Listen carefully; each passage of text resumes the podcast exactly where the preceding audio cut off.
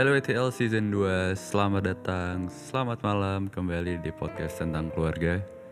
Apa kabarnya? Wow, senang sekali gue Dika akhirnya bisa kembali menemani Senin malam kalian yang semoga cukup cerah ya. Setelah satu bulan nggak menemani malam-malam indah kalian, set malam-malam indah.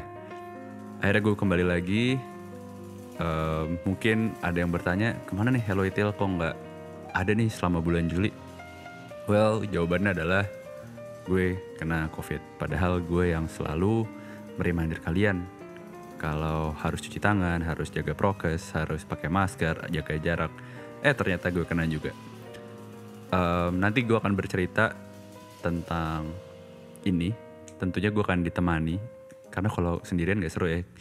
Gue akan ditemani oleh sepupu gue, adik sepupu gue yang juga terkena COVID satu atau dua minggu sebelum gue kena. Mari kita undang dia. Dia adalah Dimira. Halo Ibu Dimira. Halo. Halo, selamat malam. Apa kabarnya? Alhamdulillah gini-gini aja. Gini-gini aja. Eh, Ibu Dimira ini adalah seorang graphic design dari dari salah satu agensi ya. Dan mungkin sedang hektik-hektiknya kali ya. Karena karena karena kan semuanya balik ke, ke arah digital ya. Bener, Oke. bener banget. Nah, gue dan Dimi akan ngobrol soal eh, pengalaman ya eh, kena COVID. Dan nanti kita akan ngobrol banyak selain pengalaman dari kita dan juga kita akan diskusi. Mungkin dari lu dulu kali Dim ya. Em, kita langsung aja cerita. Eh, habis itu kan gue akan cerita kayak lu pertama kali kena kapan dan kira-kira di mana. Oke. Terus apa sih yang paling yang paling gak enak gitu yang lo rasain? Karena kan orang-orang kan ngerasainnya oke sesek, demam, eh, mual gitu. Nah, lo gimana? Oke. Jadi gue pertama kali eh, ngerasa gejala gue itu di pertengahan Juni. Nah, eh, kantor gue itu masih lagi sering banget WFO sebenarnya karena Mm-mm. mungkin untuk beberapa kantor-kantor yang baru atau belum ya belum se apa ya mungkin belum se lama itu usianya untuk punya apa ya flow kerja yang bener tuh masih WIP lah masih on progress gitu jadi kerja tuh lebih enak WFO emang itu gue juga sadari jauh lebih enak Hmm. komunikasi WFO dan segala macam jadi mungkin karena kita udah terlalu nyaman dengan teman-teman kantor kadang-kadang kita jadi agak lebih lengah tuh sama prokes kan mungkin buka masker uh, di tempat-tempat yang lebih banyak orang di tempat daripada tempat lain atau malah ya udah sama sekali cuek aja gitu buka masker pas udah di dalam ruangan bersama teman-teman lain. Hmm. Nah waktu itu tuh gue juga emang lagi hektik-hektiknya jadi mungkin secara antibody udah mulai agak drop gitu kali ya kayak sering begadang pulang juga telat makan juga nggak on time. Ya udah inilah udah akumulasi. Badan tuh udah kayak mau ngomong dim udah dim lo istirahat lah. Eh di hari itu tuh eh, gue ngerasa sakit tenggorokan. Itu gejala pertama. Oke. tapi gue kayak kepikirannya cuman ah mungkin gue kurang kurang minum kali ya atau panas dalam gitu. Soalnya biasanya gue kalau kekurangan tidur tuh either gue bakal flu atau gue masuk angin gitu. Itu itu aja sih penyakit gue biasanya Hmm. Nah, tiba-tiba di hari gue sakit tenggorokan, teman sebelah gue, uh, copywriter gue tuh juga ngomong gitu, eh sama gue juga sakit tenggorokan nih. Eh terus kita tuh malah bercanda gitu kayak, nah kalau juga, sama dong gue juga gitu. Malah bukannya kita takut gitu ya, malah kayak, eh kok sama sih kita? Nah ya udah kita sama-sama kerja aja, bikin teh bareng gara-gara ya kita kiranya itu bisa relieve the pain kan for a while. Tiba-tiba dari lantai atas, teman kita yang nggak seruangan nih, datang gitu pakai masker terus mukanya udah gak enak banget terus dia bilang ke kita gitu kayak kak aku tuh gak enak badan nih kayak sakit tenggorokan gitu nah mulai itu ada tiga orang Hmm. tapi tetap juga di situ kita masih belum aware that this could be more than just a sore throat gitu kan Mm-mm. jadi udah kita kerja sampai akhirnya besoknya Hmm. mulai tuh si temen gue ini kita bertiga sama-sama nggak enak badan dan decide untuk kerja dari rumah Hmm. Ternyata kita semua demam masing-masing tuh dari rumah masing-masing demam dan lapor ke ya supervisor kita gitu. Kita demam, uh, kayaknya kerjanya bakal lama. Jadi uh, tolong sabar ya gitu. Nanti kita will try to submit our works as we feel better gitu. Hmm. Di hari itu panas gue progresnya tuh dari 37 di pagi hari sampai siangnya itu gue di 38, 39, malamnya gue 40. Wow. Baru di situ gue kayak oke okay, ini kayaknya sesuatu nih. Adik gue pun juga ngomong gitu kayak Hmm. kayak lo bisa jadi covid deh, Mbak. Hmm. Tapi gue masih bisa nyium bau, gue masih bisa nafas gitu ya. Nggak Hmm. nggak nggak kayak gejala-gejala yang gue dengar umumnya orang rasakan gitu. Cuman Hmm. karena udah demam, gue rasa oke ini kayak harus tes. Nah tes yang paling cepat hasilnya kan sebenarnya antigen ya. Iya. Jadi eh, orang tua gue akhirnya membawa gue untuk antigen di drive thru waktu itu kita lagi di Bandung Hmm. dan nggak nyampe dua jam hasilnya positif gitu. Hmm. Pas gue tahu hasilnya positif, itu kan sebenarnya informasi tentang antigen sama PCR itu tuh seperti apa kan sebenarnya nggak terlalu banyak ya. Maksudnya kita selalu mikirnya ya udah antigen aja nanti kalau misalnya positif berarti harus PCR gitu kan. Karena kan dikiranya kalau misalnya antibody lu drop bisa jadi lu uh, COVID tapi bisa jadi juga enggak. Gitu. Cuman Hmm. pas kita akhirnya ngobrol uh, sama dokter gitu ya lewat uh, WhatsApp, dokternya tuh bilang kalau misalnya emang lu udah menunjukkan gejala-gejala COVID dan antigen lo positif, itu udah 100% lo COVID. Jadi dari lu buang-buang uang untuk nanti tes lagi 800 sampai sejuta untuk PCR, mendingan lo langsung isoman. Nah di situ gue langsung kayak oh ini a new information nih buat gue kayak oh ternyata kalau misalnya gejala gue tuh udah udah gejala COVID dan gue antigennya positif, then I don't have to go and take a PCR test gitu. Jadi itu awal-awal gue terkena dan ya gitulah. Itu dari hari lu pertama kali gejala sampai akhirnya lu antigen itu berapa hari? eh dua hari, Dua hari. dua hari, dua hari. Karena Hmm. hari pertama itu belum ada demam, jadi kita Oh. mikirnya kayak ya udah capean aja gitu. Oke. Lu bilang tadi temen lu sakit, ada yang sakit tenggorokan, ada yang enak badan. Lalu setelah lu antigen, teman-teman lu gimana? akhirnya mulai tuh berdatangan lah info-info bahwa teman gue yang copywriter gue itu bilang katanya dia juga positif. Hmm. Teman gue yang uh, di atas itu yang apa nggak seruangan sama kita juga positif. Ditambah dua orang lagi Hmm. Yang di saat itu ada yang masuk dan satu lagi nggak masuk itu juga sama-sama positif. Jadi di minggu yang bersamaan lima dari kita itu positif covid semua. Wow, lima ya? Di lima berlima dan dari tim yang sama kurang lebih gitu. Itu satu tim hilang gitu lah. Anggap aja gitu ya. hilang bener-bener gone. Oke. Eh hari pertama lu antigen positif, lalu langsung isoman kan pasti? Langsung langsung isoman Oke. Eh apa yang paling gak enak selama lu isoman? Maksudnya dari dari fisik ya? Apa sih gejalanya? oh fisik ya Paling berat? fisik awal-awal gue um, ngerasain gejala itu mungkin di hari ke hari kedua hari ketiga hari keempat itu gue banyak banget melalui diare Aduh.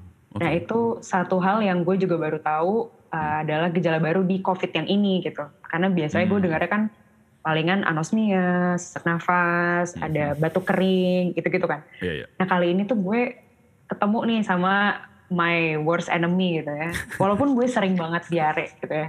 Ini agak TMI cuman ketika lo di posisi COVID, Heeh. lo kaget gitu loh kayak "Hah, oh ternyata covid bisa membawa worst enemy lo kembali ya dan buat Uh-uh. gue worst enemy gue selalu pencernaan gitu Oh, oke. Heeh, jadi gue diare ada mungkin tiga harian lah gitu Hmm. baru setelah itu dilanjut dengan mual-mual yang Mm. harus gue apa ya, harus gue em, tahan pakai obat lambung gitu kayak polisilan Ya, atau ya, ya. Hmm. milanta mm, kayak gitu-gitu Hmm. sama setiap kali gue nafas ini juga sebenarnya gue awalnya belum anosmia gue tuh baru anosmia tuh di hari kelima lah baru minggu pertama lah gue Hmm. mulai anosmia cuman gue tuh kalau nafas baunya tuh kayak bauin tas di gudang gitu loh kayak bau debu bau, bau Oh, usang gitu jadi oke, oke. itu itu nggak enak banget Heeh. itu sih dua itu sih Lalu itu diare ber- berurutan ya? Maksudnya terus-terus apa tiap hari gitu? Hmm, untuk tiga hari terus-terusan, ha, tapi habis itu akhirnya dia berhenti. Oh, ya nggak jauh beda sama gue sih. Eh tapi gue nggak gue diare nggak nggak terus terusan. Oke lu diare demam? Demam itu cuman sampai hari ketiga. Oke. Habis itu mungkin karena disikat paracetamol terus, Hmm. akhirnya diturun pelan-pelan. Oke tujuh hari pertama let's say em, lu anosmia, demam, diare, mamual ya. Kok- Flu? Flu itu nggak ada malah, nggak ada nggak ada ya? batuk, nggak ada nggak ada kayak ingusan gitu atau Hmm. eh, apa pilek tuh nggak ada. Tapi emang pas demam itu badannya sendi-sendinya sakit. Tapi itu mungkin karena demamnya demam tinggi kan. Jadi mungkin badannya juga udah mulai kayak nggak nggak nggak enak gitu. Sendi-sendi otot-ototnya udah mulai sakit-sakit. Hmm. Nah, Hmm. sebagai tambahan info, di saat yang bersamaan adiknya kena juga COVID di dalam rentang berapa hari? eh rentannya itu dua hari karena di hari gue gejala dan belum dites dia itu yang dia yang ngomong gue dia yang ngejagain dia yang ngasih Ah. makan dia yang ngasih obat Ah. ngasih minum Ah. itu jadi mungkin dia terpapar dari dari situ Dan gejalanya juga hampir sama. gejalanya malah dia berbeda dia nggak ada demamnya sama sekali Oh. Jadi dia awal kita kira OTG gitu. Kita kira dia OTG kan dia nggak ngerasa apa-apa. Baru setelah sehari setelah dia dapat hasil dia positif, mulai tuh dia batuk-batuk, terus kayak Hmm. sendi-sendinya ngilu, tulangnya ngilu. Hmm. Dia lebih banyak apa ya masalahnya di nafasnya tuh pendek gitu. Oh iya, Setiap kali kebanyakan ya. ngomong batuk, Mm-mm, kayak gitu. Jadi agak beda kita berdua ininya gejalanya. Gejala. Nah, kemarin eh, lu kalau nggak salah tuh lu pernah cerita bahwa lu harus mengantarkan eh, ini ada adiknya bernama Gisel ya. Gisel itu eh, PCR ya. Di saat saat itu buktinya nggak? Nah, seingat gue, lu lu tuh pernah cerita kalau lu harus menemani Gisel ke rumah sakit untuk PCR. Tapi waktu itu lu posisinya masih positif. Oh itu dia nganterin gue Oh, kebalik. untuk eh, iya jadi kebalik jadi karena gue nggak pernah PCR karena kan Hmm. gue awal gue tahu gue positif itu kan dari antigen Iya. ya kan dan Hmm. gue belum pernah PCR nih sedangkan Gisel itu udah pernah PCR karena di awal dia apa di awal pas kita tahu gue positif Hmm. keluarga gue semuanya harus PCR just to make sure gitu kayak Iya. mereka gimana. Nah, hasilnya kan orang tua gue alhamdulillah negatif Hmm. Gisel yang positif. Jadi dengan hasil itu kita udah tahu CT value-nya berapa kita tahu dia positif COVID kan. Nah gue tuh belum.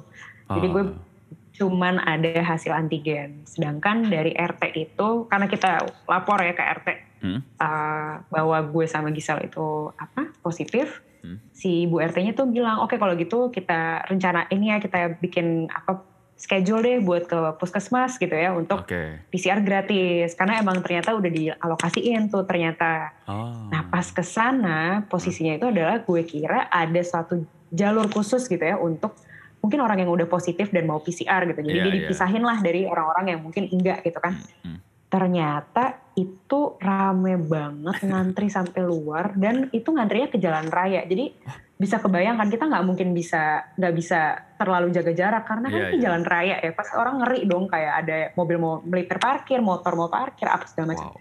Jadi itu berdekatan dan gue tahu gue positif. Di depan gue ada ibu dengan anak kecil, di belakang gue ada bapak-bapak lansia. Maksudnya itu nggak kondusif banget dan gue kira dengan gue bilang, oh ya saya udah sampai di puskesmas lewat WhatsApp itu akan diarahin ke tempat yang jauh lebih mungkin nggak banyak orang gitu kan. Iya. Ternyata enggak prosedur orang COVID positif pun yang mau PCR di saat itu ya sama dengan orang-orang yang mau masuk puskesmas walaupun mereka nggak positif COVID gitu. Jadi ya agak ngeri-ngeri sedep juga gitu kan. Lo lo Hmm. tahu lo positif, lo berdiri di antara orang-orang yang mungkin enggak dan Hmm. bisa jadi lo menularkan gitu. Jadi gue langsung pokoknya gue 30 menit di situ nggak jelas dan lama gue langsung ciao ya udah nggak apalah gue bayar tapi yang penting gue nggak ngebahayain orang-orang yang lagi ngantri gitu loh Mhm. Iya. Itu itu hari ke berapa lu kena? seminggu Oh hari ketujuh. tujuh hari Oke. ya betul Oke, itu kan tadi lu cerita soal nggak enak fisikin nah.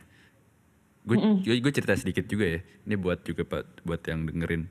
Eh, gejala gue sama Demi nggak terlalu beda, tapi eh, mungkin awalnya kali ya. Kalau lu kan kenanya di kantor ya kayaknya. Mm. kalau gue kenanya mungkin ketika vaksin karena Wah, kan itu nah, itu big risk nah seru itu seru jadi tapi ini juga menja- eh, menjadi catatan jadi buat yang dengerin kalau emang mau vaksin tolong badannya fit dulu salahnya gue adalah eh, ketika gue dapat schedule vaksin yang super tidak jelas karena kayak gue dapetnya Rabu tiba-tiba Senin tiba-tiba Selasa dan badan gue juga lagi nggak fit karena banyak meeting karena masih harus ke kantor. Ya gue vaksin ketika itu badan gue sebenarnya udah udah 70% lah gitu loh. Udah agak demam sebenarnya ya. gue udah agak drop. Ditambah gue masih harus ngantri kan. Ditambah ketika vaksin itu kebetulan gue dapet vaksinnya di Santa Ursula. Santa Ursula di daerah Oke. Gambir. Itu yang namanya orang nggak apa nggak jaga jarak tuh ya itu di situ. Jadi jadi mungkin yang eh, kan ada nih yang vaksinnya di mall ada yang vaksinnya di mana. Ini sebagai bayangan aja ya, ini vaksin ini di sekolah di halaman sekolah tapi ternyata let's say gini lah dari 1 sampai antrian ke 100 itu mungkin masih rapih lah ya karena dikasih kursi gitu. Tapi berikut berikutnya udah berantakan nah terus gue masih harus nunggu terus dapat vaksinnya AstraZeneca. Kan banyak orang bilang itu sangat kuat kan. Terus Benar. meskipun gue langsung gue gue sadar gue nggak enak badan jadi ketika gue habis vaksin gue pulang nyetir ke ke rumah yang it takes one hour itu gue langsung bikin badan gue keringetan gitu. Tapi ternyata tidak membantu juga gitu kan. Ya gue sampai rumah tidur lah gitu gitu tuh. Cuman eh, padahal orang-orang udah menyarankan ya ketika lo vaksin mungkin lo butuh satu dua hari untuk istirahat karena badan lo bereaksi. Nah gue langsung hajar gue tetap kantor eh let's say hari kedua lah setelah vaksin gue tetap kantor gue ke kafe. Meskipun kafe itu tidak banyak orang cuman kan tetap konsekuen- konsekuensinya cukup tinggi ya. Nah di situ gue mulai flu. Mulai flu. Pilek mulai pilek batuk kayak kalau lu kan lemahnya di pencernaan ya. Kalau gue lemahnya tuh Iya. pasti selalu di tenggorokan. Jadi flu eh, Oh, dahak. oke, nah oke, itu kerasa tuh udah kemis tuh. Dan gue sakit kepala dan waktu padahal gue tuh udah meeting lagi meet- online meeting gue minta sama bos gue udah deh gue meetingnya di rumah aja deh gitu. Jumat gue eh, is- istilahnya ke kafe juga di Bintaro. Ya kerja lah gitu tapi gue udah mulai batuk-batuk. Nah batuk-batuk ya gue tuh udah mulai ada darahnya sedikit. Tapi darah itu bukan karena batuk berdarah ya bukan TBC tapi karena memang eh, luka dari Lecet tenggorokan. ya? yes. Mm-mm. itu karena luka dari tenggorokan gitu loh. Dan benar-benar tuh gatel. Nah di siang itulah gue mulai curiga kalau kayak gue kena nih gitu. Karena pas gue mau pulang kan di mobil gue tuh ada semprotan eukaliptus gitu. Biasanya lu pasti kalau nyium bau eukaliptus kan tahu kan ini bau eukaliptus kan Iya. nggak nggak ada bau di mana-mana gitu kan. Itu gue nggak bisa nyium. Asli kayak Aduh. gue gue gue sampai mengendus. Lu bayangin gue sampai mengendus ke setir gitu loh. Kayak ini mana baunya gitu kan Iya, iya, iya. tapi nggak ada. Dah terus itu Jumat gue Sabtu gue Sabtu mulai nggak enak badan tuh mulai demam demam udah dikasih obat dikasih eh iya dikasih obat gak turun. Nah cuman Jumat ke Sabtu itu adalah the worst moment gue personally. Karena gue flu eh, biasanya kalau gue flu mampet itu gue pasti kebangun kalau tidur. Itu ada di mana di mana momen gue nggak bisa nafas Waduh.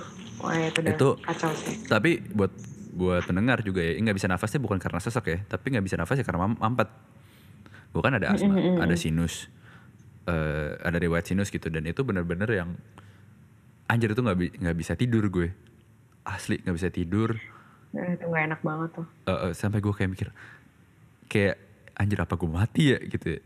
Dosa-dosa gue apa gitu. Ya langsung kan biasa kan. Iya, iya, iya, iya. iya. ter, apa, terbayang. Karena gue baru akhirnya tuh baru bisa tidur jam 4 pagi. Lu bayangin tidur jam 4 pagi. Dengan dengan cara em, itu yang minyak yang living tuh. Yang peppermint tuh gue taruh di masker. Meskipun ternyata nggak boleh ya gue baru tahu. Itu gue taruh di masker aja jadi gue tidur pakai masker. Biar cuman biar bisa nafas.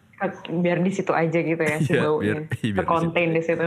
iya biar terkonten di situ ya bangun-bangun gue aman lah. Eh, bangun-bangun gue aman lebih baik. Cuman ya tetap demam kan.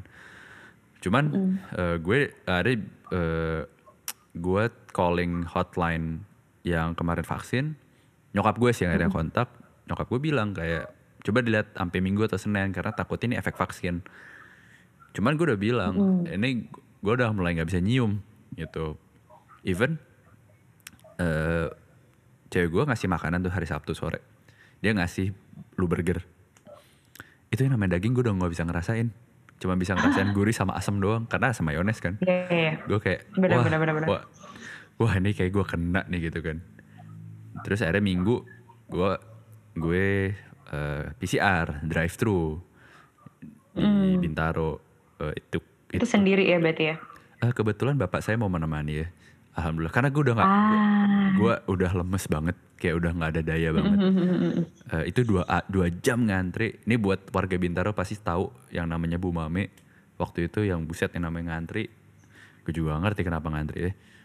Em, ya akhirnya tapi ketika gue di swab ya kan ketika di swab kan hidung lu dimasukin eh, benda gitu kan. Lu pasti Iya. merasakan lah eh, itu masuk ke rongga hidung dan kerongkongan lu. Itu tuh gue mulai merasa wah ini kayak gue radang karena sakit gitu loh beda rasanya Iya. jadi sebenarnya gue dari hari Minggu itu meskipun belum, ada hasil PCR tapi melihat kondisi gue dan gejala gue kayak udahlah gue di kamar aja lah gitu. Kayak gue istilah mulai mulai isoman gitu. Senin pagi dapat hasil gue positif. Udah gue fix isoman dari tanggal 5. Tuh, 5 Juli ya berarti ya? 5 Juli gitu. Dan jadi eh, ketika gue ulang tahun ya gue melewati di kamar saja. Di kamar, betul, betul. Tapi ya ber- eh, kalau dibilang gejala kayak lu, gue eh, demam juga hilangnya di hari ke- kedua lah. Demam gue udah hilang dari kedua. Diare gue ada, tapi kayak kalau lu kan beruntun deh. Kalau gue Iya. tuh kayak eh, selang-seling gitu loh. Hari Selasa misalnya Oh. ada diare, Rabu enggak. D- eh, Kamis diare lagi nih gitu. Jadi gue tahu ini diare aneh. Kalau biasanya kalau ketika lu diare, kan lu itu pasti akan terus kan. Mm, Kayak dia diare lu karena sakit perut sama diare covid itu ternyata berbeda. Gue tuh baru menyadari itu loh. Oh, mungkin karena gue sering diare, jadi gue ngerasa kayak oh ya udah ini ya diare seperti biasanya, cuman dibungkus dengan penyakit baru gitu. Bisa ya, mungkin ya. Gue nggak tahu karena beda aja kalau gue diare. Gue gue gue tahu kalau kapan gue kalau gue diare diare karena sakit perut nih, sambel atau apa, itu gue pasti bolak-balik kamar mandi. Kalau ini tuh gue nggak bolak-balik kamar mandi. Oh iya iya iya, Iya kan? iya iya iya. Kayak udah cuma sekali ke kamar mandi, diare, udah. Gitu. Berfaedah sekali ya ngomonginnya diare. Cuman, cuman kalau kalau lu diare beruntun, kalau gue batuk. Batuk gue tuh baru hilang hari ke 6 Tuh baru hilang tuh batuk gue. Karena Ah, dahak kan, lama ya lama. Gue gue harus minum obat flu sama obat Kenelco gitu. Ya mungkin eh, gejala ya tiga empat hari. Nggak gue tuh nggak tahu sih lo menurut lo bener nggak? Empat hari pertama tuh setelah isoman ya saat isoman tuh sengsara gitu nggak sih dengan semua gejala itu? Gue tuh mungkin di empat hari pertama karena gue juga ada efek pikiran. Karena gue tahu adik gue kena gara-gara gue. iya itu gue wah itu hancur secara fisik dan emosional sih. Gue beneran ngedown banget dan susah banget buat recovernya karena ya lu lu mencoba selama setahun lebih ini untuk you know stay negatif gitu kan. Betul. And then ketika lo tahu lo kena lo berharap itu lo aja.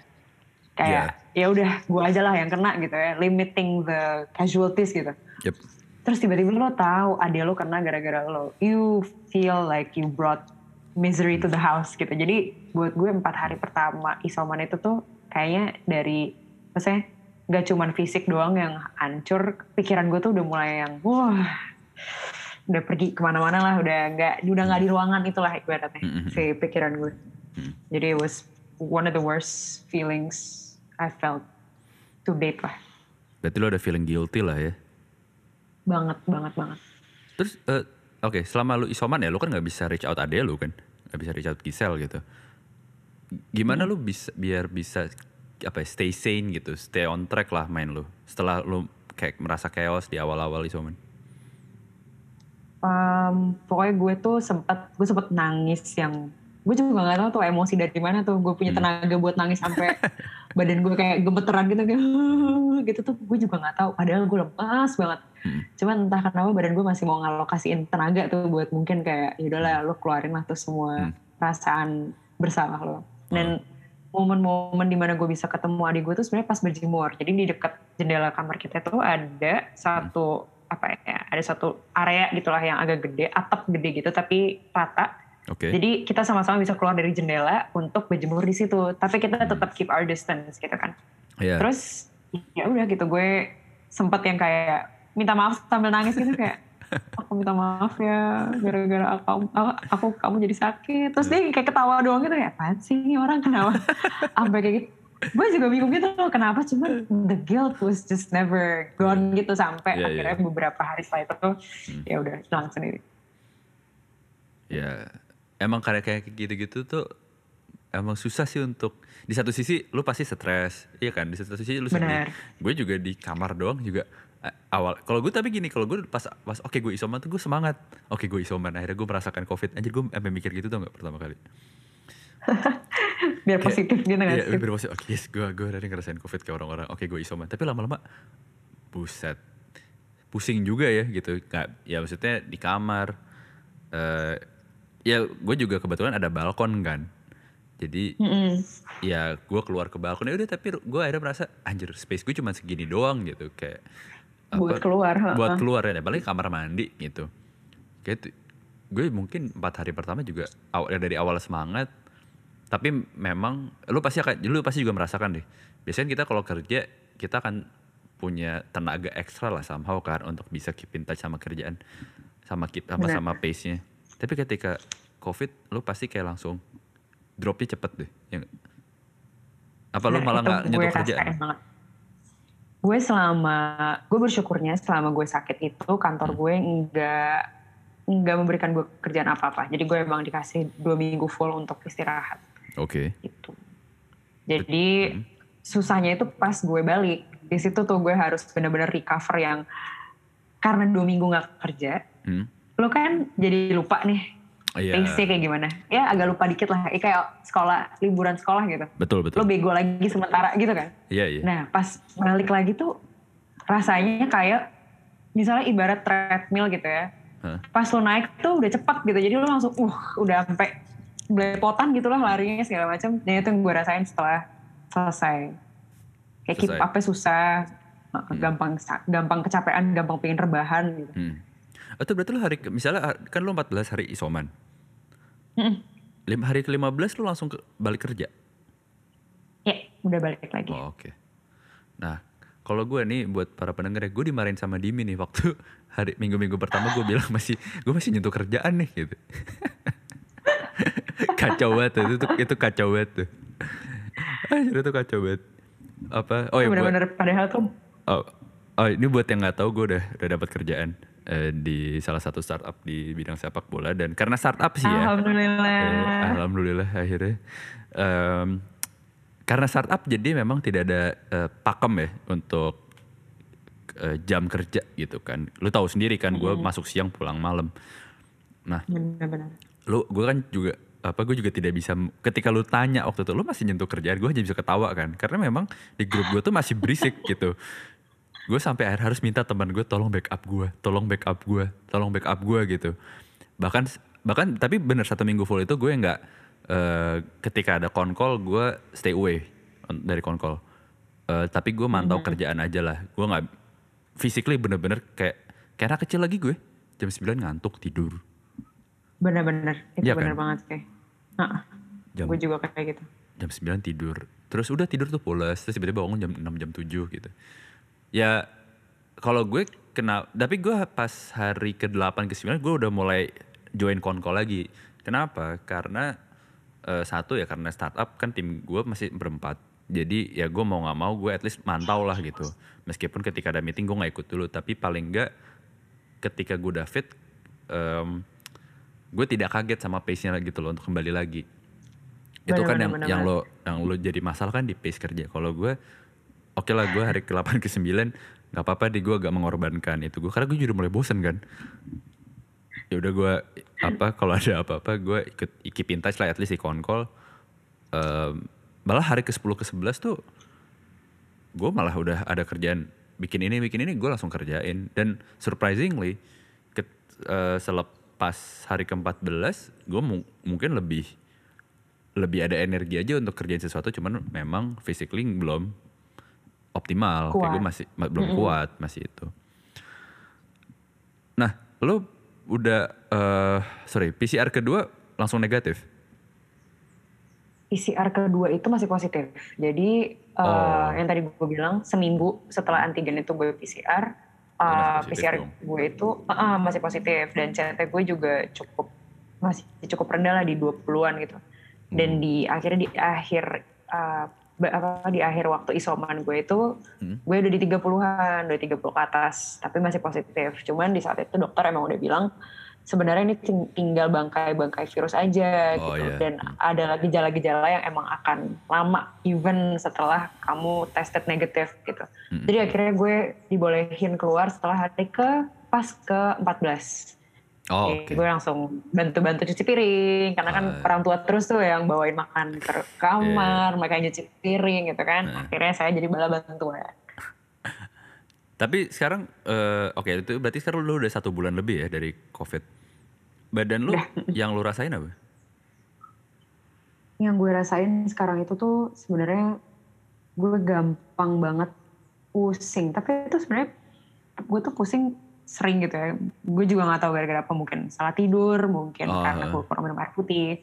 Tapi gue lebih sering butuh waktu tidur siang. Jadi Oh, biasanya kalau ada kayak gue tahu nih kerjaan gue masih bisa dikejar dari jam sekian sampai jam sekian, Hmm. gue udah ada kayak time projection gitu kayak oh, oke gue bisa tidur nih sejam, oh terus gue tidur.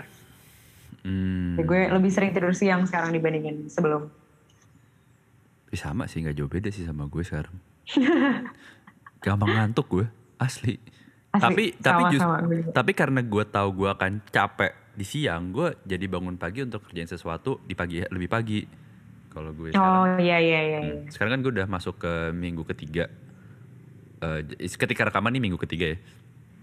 Badan gue udah lebih baik dan tapi gue jadi lebih adjust pola kerja gue yang biasanya tadi siang ke malam.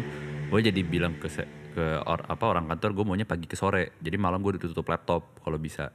Oh benar benar benar. Iya kan? Benar. Ya kalaupun emang ada is- kerjaan apa ya gue cukup buka handphone aja gitu. Iya benar benar. Hmm. Bokap nyokap lu negatif. Mm-mm. Pasti Alhamdulillah. pasti bokap nyokap lu dan bokap nyokap gue mempunyai effort yang sama nih. Cuma kita perlu telaah dulu nih. Apa yang dilakukan bokap nyokap lu ketika lu dan Gisel eh, negatif? Apa yang mereka lakukan tiap harinya? Oke, yang pertama mereka lakukan itu, em, bokap tuh kan dia doyan banget masak kan sebenarnya. I see. Dia tuh suka banget gratilan di, di dapur lah gitu. Jadi Iya. em, karena dia tahu akhirnya dia harus jadi caregiver nih ya buat gue Hmm. sama adik gue. Em, yang biasanya itu, misalnya biasanya kan kita kalau nggak kalau lagi nggak isoman gini kan, ya kalau lapar ya masak sendiri gitu kan. Iya iya. Misalnya gue tiba-tiba lapar di luar jam makan siang, gue nggak mungkin expect bapak gue udah di dapur lagi, oh mau apa gitu kan nggak mungkin kan. Jadi Ah. gue biasanya yang masak sendiri apa segala macam. Nah karena sekarang kita nggak bisa nih, jadi kan bokap nih jadi sentral dari pembagian makanan di rumah kan. Hmm. Itu tuh yang pertama kali dia lakukan adalah dia em, belanja, belanja persediaan makanan, Hmm.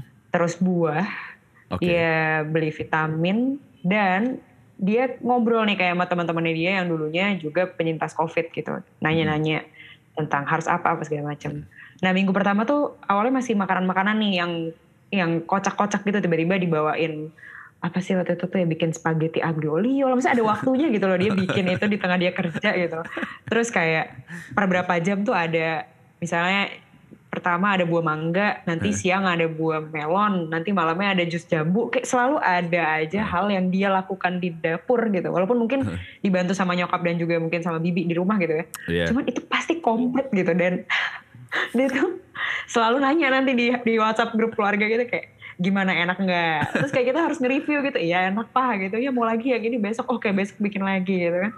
Terus Tu- tunggu tunggu tunggu kayak tunggu. masuk nih. Tunggu tunggu. Bapak lu bikin spaghetti aglio olio ketika lu covid. Kan lu anosmia. Yes. Gimana lu review? Nah, nah itu dia. Jadi dia nggak nggak nggak terlalu nanyain kayak sekarang gejalanya apa. Jadi Oh. intinya dia ngasih makanan enak. Buat gue sih untungnya perasa gue tuh uh, nggak terlalu hilang sih. Cuman kadang-kadang tuh misalnya kalau gue ngerasain makanan cuman asinnya doang yang kenceng. Ya, Tapi ya. mungkin hints of other ingredientsnya masih ya kayak teriak kecil gitu kayak eh udah di sini gitu. Cuman ya tetap asinnya gitu ya paling Iya, iya, iya, gitu ya. Terus um, pokoknya dia ya gitu dia bener-bener enjoy lah kayaknya dia Ah. bikin makanan dan emang dia tipe orang yang suka apa ya suka momong gitu loh jadi kalau orang Hmm. sakit tuh dia paling wah semangat lah bikinin ramuan apalah sup lah Hmm. minuman a- gitu gitulah Hmm. Terus eh, yang kedua yang dia lakukan adalah dia bikin spreadsheet jadi dia punya satu dia punya satu dokumen eh, sheet Google gitu ya Ah. satu buat Dimira, satu buat Giselsa, itu isinya nge-track gitu dari Hmm. awal kita kena sampai 14 hari kita isoman. Hah? Dia bikin tuh tabel, tanggal sekian, sekian, sekian, sekian, sekian, sekian, sekian, terus row-nya nanti obat, misalnya asitromisin, ini, ini, ini, ini, ini, ini. Jadi gue harus nge-checklist satu-satu. Kalau enggak, besok pagi dia nanya, kok nggak di-checklist? Ayo checklist, checklist. Terus di situ tuh ada kayak pit stop gitu, misalnya pit stop pagi harus ngecekin saturasi sama eh, apa suhu. Ah. Nanti siang juga harus naruh malam juga. Dan itu berlanjut sampai dengan 14 hari. Jadi kita pagi-pagi tuh harus buka laptop, ngisi tuh spreadsheet. Hari ini gue tembak gitu kan di jidat oh ya, 36,5, terus capitin tuh jempol eh 97 gitu. Terus ya udah itu nanti dia pakai buat kalau ngomong ke dokter dia nge-screenshot itu dikasih dokter kayak gini dok. Ini ini juga sekalian terima kasih untuk bapaknya Dimi. Eh, di- ketika gua covid langsung di share juga itu tabelnya. Jadi gue langsung isi.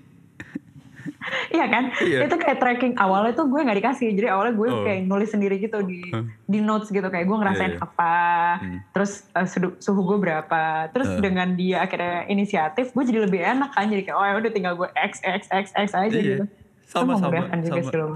Gue juga tadi mau bikin pakai notes kan terus tiba-tiba langsung di share share dokumen kan ah gampang.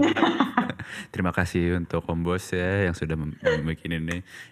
Bala bantuannya sangat berguna selama saya isoman. Itu itu tuh nawa itu yang menurut gue agak beyond sih itu.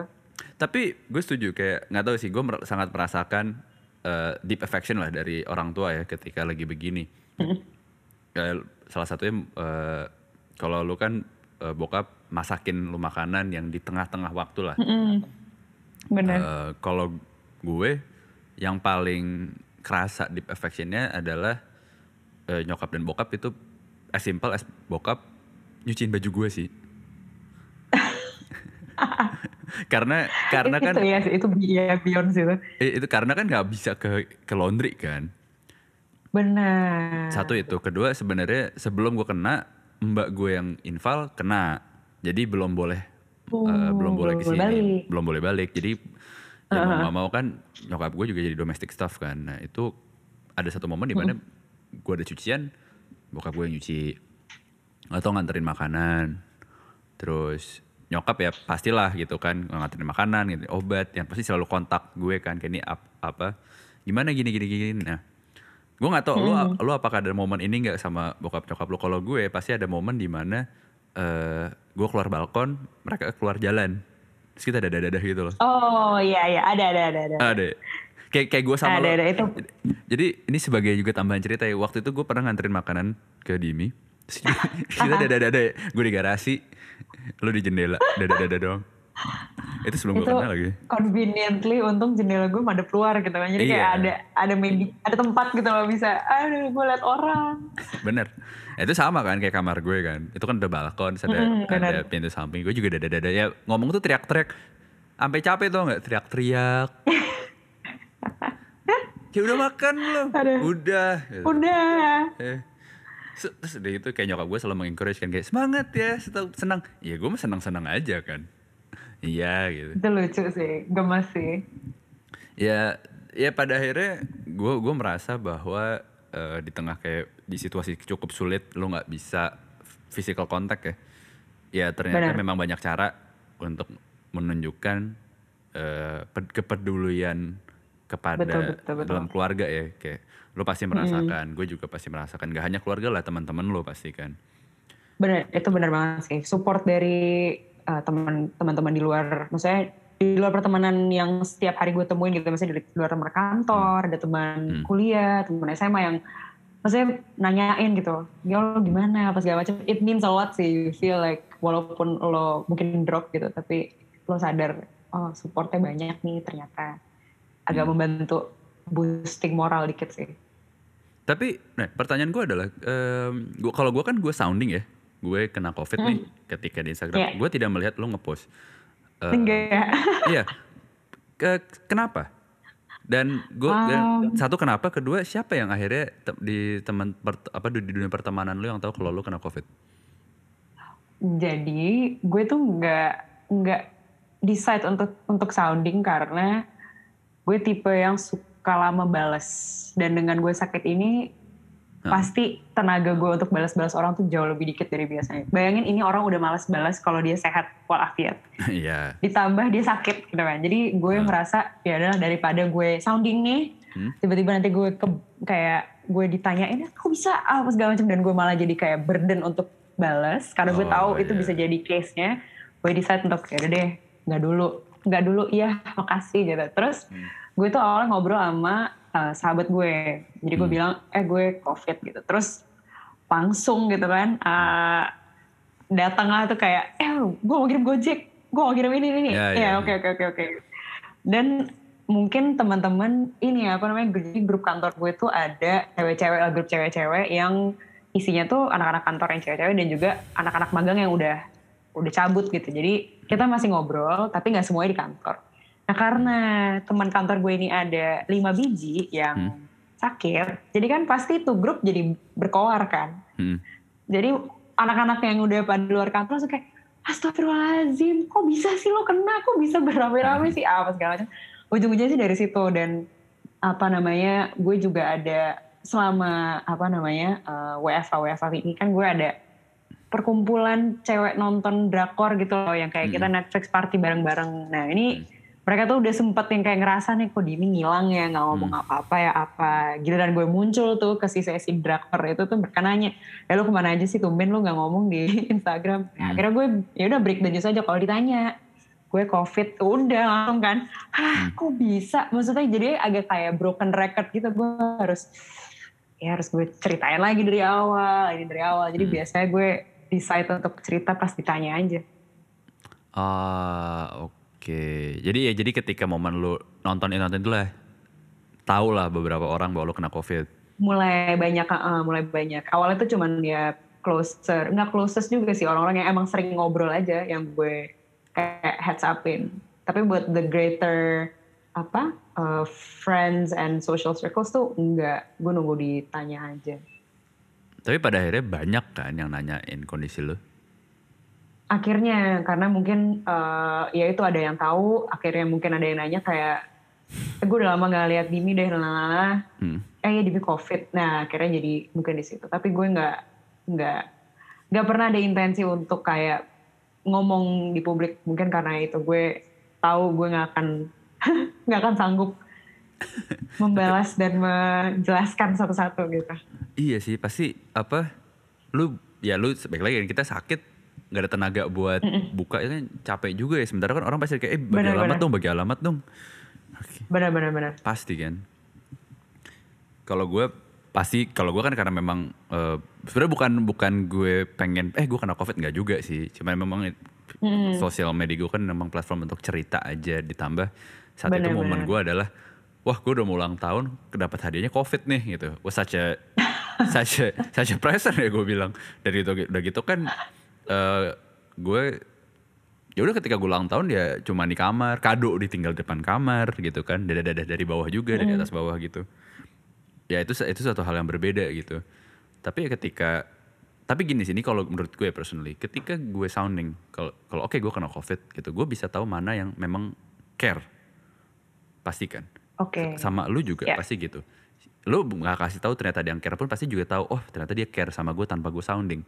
Itu bonus menurut gue jadi plus. Kalau gue dengan gue sounding ternyata oh ada juga yang care. Bah- bahkan ada teman-teman gue yang gue kira nggak deket buat gue nggak deket ternyata dia care ngirimin gue makanan. Yang gue kira deket ternyata dia cuek-cuek aja itu jadi gue jadi melihat oh mana nih? Jadi di, di, di ke depan nih gue jadi tahu mana yang harus bisa gue prioritaskan. Itu salah satu Ah. apa ya buat gue jadi ketahuan aja oh ini yang memang aslinya seperti ini memang seperti ini ya udah gitu. Tapi gue tidak sangat sama sekali tidak mengharapkan dikasih apa pun ya sama sekali gue nggak Iya, mungkin nggak- tidak begging untuk itu karena semua orang punya urusannya masing-masing. Lu punya Betul. lu punya punya keluarga yang harus di, diurusin lu butuh pasti lu uang Benar. itu kan bisa itu kalau gue selama ini eh, alhamdulillah gue ada rezeki cukup ya karena gue udah kerja gitu gue pasti kalau ada yang kena covid oke apa sih yang bisa gue bantu gitu ya sedikit lu pasti kayak mikir gak sih kayak udah ngasih makanan GoFood gitu karena kan dia nggak bisa ke mana-mana kan Betul. Betul, betul, betul. gitu. Ini gue gue mau sharing cerita lucu. Jadi eh, ada teman gue, dia di di kantor di Ion, dulu di bekas di Ion. Dia suami istri dan dia kena covid. Gue sudah berniat mau ngasih dia, gue mau maksudnya ngasih dia sesuatu lah gitu, ketika dia isoman gitu. Tapi ke delay karena karena gue kena covid gitu kan. Nah, gue kan hari-hari pertama gue nggak nggak announce kan, gue kena covid. Jadi let's say di hari kedua hari ketiga tuh gue gue ngirimin dia makanan. Nih gue ngirimin gue ngirimin makanan nih buat lo biar lo isoman gitu kan suami istri. Oh iya makasih ya gitu. Terus dua tiga hari kemudian gue kan sounding di Instagram. Iya. Gue kena covid. Terus dia kayak anjing lu nggak bilang-bilang lu kena covid. Setan nih gue gue gue kirimin gantian di sini gue kirimin sesuatu dan gue gue gue kira gue kira gue kira tuh dia akan mengirimkan makanan yang sama. Enggak dong dia tuh ngirimin eh, bener-bener buah-buahan, coklat, yang bener-bener satu box gitu loh. Dari online kayak kayak Happy Fresh lu tau Happy Fresh kan? Tahu, tahu, tahu. Eh, yang apa online supermarket itu. Dia tuh bener-bener beliin itu buat gue. Gue kayak sama sereh, jahe dia beliin itu gue inget banget. Gue kayak wah, padahal gue cuma beliin makanan doang gitu. Gue dapetnya diganti ini gue kayak ya alhamdulillah ya. Ini salah satu contoh aja cuman kayak itu epic sih kayak momen itu kayak epic kayak dia dia gue ngasihnya ketika gue kena covid kan tapi dan gue juga emang kayak lu juga awal-awal juga nggak mau cerita-cerita dulu gitu. Karena juru bicara gue kan nyokap gue. Benar. Eh, lu tahu sendiri lah di grup keluarga nyokap gue yang sangat sounding kan update nya berita gue. Benar. sangat sounding eh, ini sebagai cerita juga ya betapa nyokap gue sangat khawatir ya sounding ke grup-grup gitu. Oke itulah tadi diskusi dan cerita tentang pengalaman kita berdua menjadi penyintas covid dan di kesempatan ini gue ingin mengucapkan terima kasih banyak buat terutama buat orang tua gue buat keluarga dan buat sahabat buat teman yang sudah menunjukkan eh, kepeduliannya sama gue dan Dimi selama ini Semoga kita semua tetap sehat. Yang belum kena COVID, jangan sampai. Dan buat yang kena seperti gue dan Dimi dan adiknya, yuk cepet-cepet recovery. Jangan lupa berjemur, jangan lupa minum vitamin. Banyak yang gerak badan dan jangan lupa banyak istirahat. Tentu diskusi gue dan Dimi tidak hanya di episode ini. Kita akan lanjut ke episode minggu depan. Kita akan ngobrolin atau berdiskusi lah dari sudut pandang masing-masing ya tentunya. Siapa sih yang paling bertanggung jawab atas pandemi ini yang tidak kunjung selesai? Pasti gue punya opini, Dimi punya opini, siapa pun itu kita akan lanjutin minggu depan. Pokoknya stay tune at Hello ATL, boleh untuk mau ikutan cerita tentang pengalaman kena covid atau mungkin ada orang tuanya. Atau mungkin butuh bala bantuan kayak tabung oksigen atau akses rumah sakit. Just DM to at ATL underscore ID oke? Stay safe stay sane and stay healthy kita akan ketemu lagi minggu depan. Selamat malam